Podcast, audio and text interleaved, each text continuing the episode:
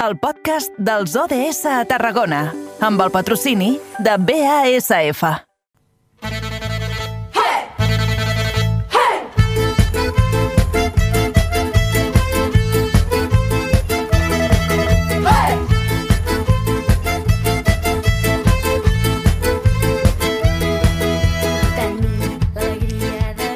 Al ritme de les robes estesa, nosaltres encarem avui el nostre particular espai d'objectius de desenvolupament sostenible i el que farem ara serà aturar-nos als estudis de la nova ràdio de Reus. Avui, precisament, ens centrem en el número 5, en l'ODS número 5, eh, que està dedicat a la igualtat de gènere. Saludem el nostre company Aleix Pérez. Aleix, bona tarda. Hola, molt bona tarda, Eduard.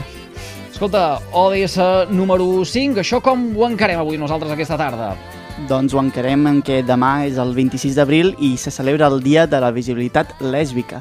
I doncs en la vigília d'aquest dia doncs farem una petita prèvia amb, amb l'Olga, membre del col·lectiu Cau de Llunes. Olga, molt Hola, bona tarda bona i benvinguda tarda. una vegada més. Com estàs? Moltes gràcies, bona tarda. Escolta, eh, 20, 26 d'abril, dia de la visibilitat eh, lèsbica, dia marcat al calendari, eh, dia eh, assenyalat, eh, que ens hem de fer nostre i per aquest motiu avui hem decidit eh, doncs això, dedicar els eh, minutets d'aquest espai quinzenal precisament en aquesta commemoració, eh? Sí, eh, també és una de les diades que sempre tenim presents nosaltres perquè dins del el col·lectiu feminista doncs l'eix de llibertat sexual i de- d'alliberament de, de gènere doncs, sempre també és un dels prioritaris i, i és de justícia també que ho tinguem molt present. Clar, exacte, perquè una mica és això, quin, aquest, aquest, i és l'origen aquest d'aquest dia, i és important commemorar-lo, no? Sí, sí, encara... Uh, bueno, eh, venim de, de, de moments molt difícils no? per lesbianes i bisexuals i, i bueno, la, es diu així del Dia Visibilitat Lèsbica perquè una de les principals eh, reivindicacions del col·lectiu és que sempre estan invisibilitzades, no? eh, tant en la societat en general com dins del col·lectiu LGTBI en particular. Eh, sobretot, bueno, el gran lima de no som amigues, som nòvies, o no somos amigas, nos comemos el coño, que, que això també és una cançó, eh, passa perquè és això, no? Eh, Sempre es, pres, es presumeix una heterosexualitat a totes les dones i sí. al llarg de la història i també en el present, doncs les, les lesbianes queden molt invisibilitzades.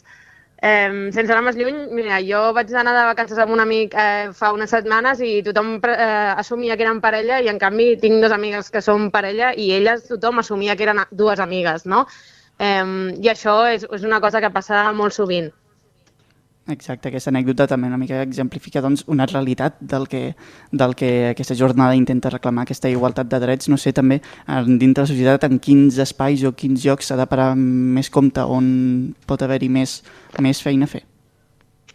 Doncs, per exemple, també un, una de les reivindicacions que hi ha sovint és en l'àmbit sanitari, perquè, per exemple, en visites al, al ginecòleg, doncs, eh, com que es presumeix que no tens eh, relacions sexuals amb penetració, doncs a vegades no, no et volen fer segons quines proves, o també eh, es, es, es fan segons quins comentaris, com per exemple, ah, vale, perquè tu no tens sexe, llavors dius, bueno, no hi ha sexe amb, amb un home, però sí que que hi ha pràctiques sexuals, diguéssim.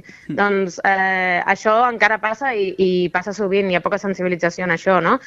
I, i bueno, també això dins del, del col·lectiu LGTBI, doncs, eh, dins de, de, de les organitzacions i això, doncs, eh, quan hi ha homes gais normalment també són molt més visibles, eh, ocupen càrrecs de més responsabilitat i, i les dones sempre queden relegades en, en segon terme. Exacte, i hi ha algun tipus de servei o, o, o far o mena de recurs en el qual doncs, poder anar a, a explicar aquestes, aquests, aquestes vulneracions que, que has estat comentant? Sí, doncs aquí a Tarragona tenim l'Observatori contra l'Homofòbia, per exemple, i també a nivell institucional també existeix el, el SAI, que és el Servei d'Atenció a, a, in, Servei d'Atenció Informació.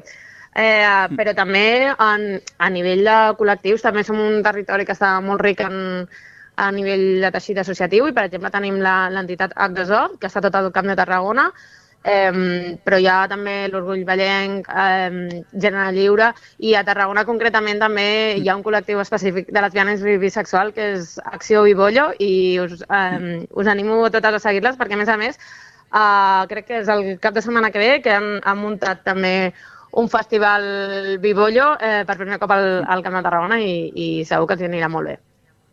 Sí, eh, i al final també una cosa que volíem destacar és que cada vegada almenys està veient més exponents públics i des de diferents perspectives de, de, de parelles lèsbiques, des de la Eva la Jana passant fins a inclús al cas més actual de, de la Dulceida. I et voldria apuntar si aquests casos això serveixen per normalitzar referents lèsbics o potser fan desdibuixar una mica el concepte de, de, de les relacions de, les relacions lèsbiques. Bueno, està bé eh, que hi hagi molts nous referents. Pensem mm. que, que fa 20 anys no n'hi havia i ara i, i ha de ser sí. molt difícil créixer sense cap referent en, en aquest sentit. Eh, per exemple, també eh, a les pel·lícules de Disney no hi ha hagut mai cap eh, parella lèsbica i un cop sí. que sortia un així i que es feien un petó allí en, en segon pla va ser un gran escàndol. Vull dir que Demanant no ho tenim del tot no sí, normalitzat, tampoc, eh?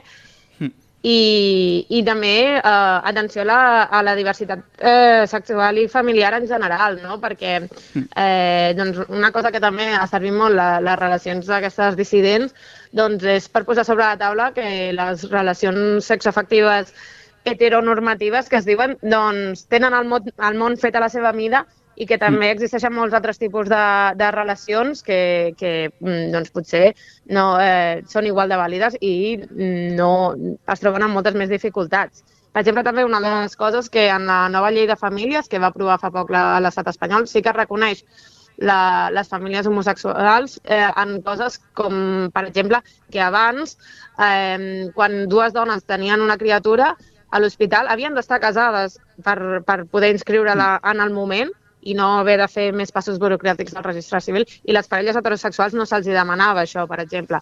Doncs ara ja són mm. alguns passets no, de, de que es va millorant eh, en aquesta normalització de, de les relacions lèsbiques. Mm. Llavors, per tant, també en el tema, en el tema judicial, en el tema de drets, també procedimentals a vegades també ja s'ha de fer encara un, una, una feina exhaustiva, no? Sí, eh, a nivell legal eh, s'han fet molts avanços, avanços eh? ja us dic que, que mm, per exemple, també amb el tema de la reproducció assistida doncs, s'han doncs, garantit els drets de reproductius de les lesbianes, el que també hem d'assumir que no és només l'únic front de lluita, sinó que a nivell social, doncs això mateix el que deia abans de l'Observatori contra l'Homofòbia encara recull eh, moltes denúncies d'agressions contra lesbianes a l'espai públic, al transport públic i, i en molts espais que, que no haurien de passar sota aquest concepte. Uh, Olga, escolta una cosa, clar, celebrem demà, uh, es commemora uh, demà precisament aquest dia de la visibilitat lèsbica, de ben segur que no és el mateix com es commemora uh, aquí al nostre territori de com es fan d'altres llocs del món, on precisament uh, uh, uh, encara pot estar molt més assenyalat o encara pot estar uh, perseguit. Uh, és una xacra també que cal combatre, aquesta. Sí, sí, evidentment. Pensem que, per exemple, doncs una parella de lesbianes aquí podem pensar que poden tenir una vida molt més o menys eh, tranquil·la, però, eh, per exemple, a l'hora de pensar d'anar-te'n de vacances, hi ha molts llocs que no hi pots anar.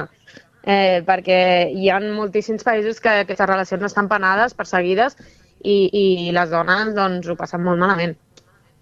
Mm.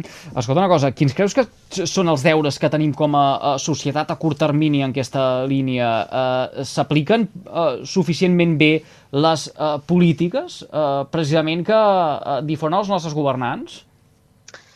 Um, jo et respondria una mica com sempre, no? que a, a curt termini és complicat, perquè nosaltres volem un, un, un canvi profund, Um, i, i que això passa per uh, conscienciar tots el, els aspectes de la societat, en els serveis que et deia, no? pues serveis sanitaris, serveis educatius, serveis socials, doncs que estiguin més acostumats a, a la diversitat i, i l'educació sexual i afectiva que sempre estem eh, recalcant aquí, que, que és molt necessària. La, en els mitjans de comunicació tenim molt present aquesta diversitat i, i també qüestionar els models de relació en general, no? perquè també a vegades doncs, hi ha acceptació d'aquest tipus de, de relacions, sembla que, sempre que reprodueixin eh, famílies, diguem, que, que, que ens encaixin amb la, nor- amb la norma, com per exemple això, famílies monògames, no? O, o, o que tinguin, vale, que es casin i que tinguin criatures, però que, que es comportin com, eh, igual que les famílies eh, heterosexuals. Bueno, no sé, també és interessant, no? Eh, qüestionar-nos doncs, per què eh, s'empeny no, cap a que la gent tingui aquest tipus de, de relacions i, i no s'aprofita doncs, per fer un alliberament sexual eh, global més enllà de les orientacions sexuals. Ja que per acabar, uh, Olga, uh, dèiem que uh, tot plegat es commemora demà, feia referència ara a algunes activitats que tindran lloc al cap de setmana, no sé si uh, demà uh, n'hi ha alguna de marcada uh, en l'agenda precisament entorn de tot això que estem parlant. Sí, a Reus hi ha un, una lectura de poesia sàfica, que és un altre nom que es- els hi donen les lesbianes, eh, sàfiques, i, i eh, organitza H2O i, i Acció Bibollo. Així que podeu trobar tota la informació a les xarxes. Vaja, avui anem muntant l'agenda dels propers dies, eh? Ha quedat clar amb l'entrevista que fèiem ara tot just fa una estoneta, també. Doncs mira, eh, hi sumem un acte, una activitat eh, més entorn d'aquesta commemoració. Olga, t'agraïm moltíssim que un dia més hagis compartit uns minutets amb tots nosaltres. Una abraçada i fins aquí 15 dies. Vinga, gràcies a vosaltres. Adéu. L'Olga, que és membre del col·lectiu Cau de Llunes i que precisament tinta el nostre espai d'objectius de desenvolupament sostenible eh, precisament d'aquests colors de la igualtat. Gràcies, Aleix, des de la nova ràdio de Reus, que acabis de passar un bon dimarts. Fins demà. Moltes gràcies, Eduard. Vagi bé.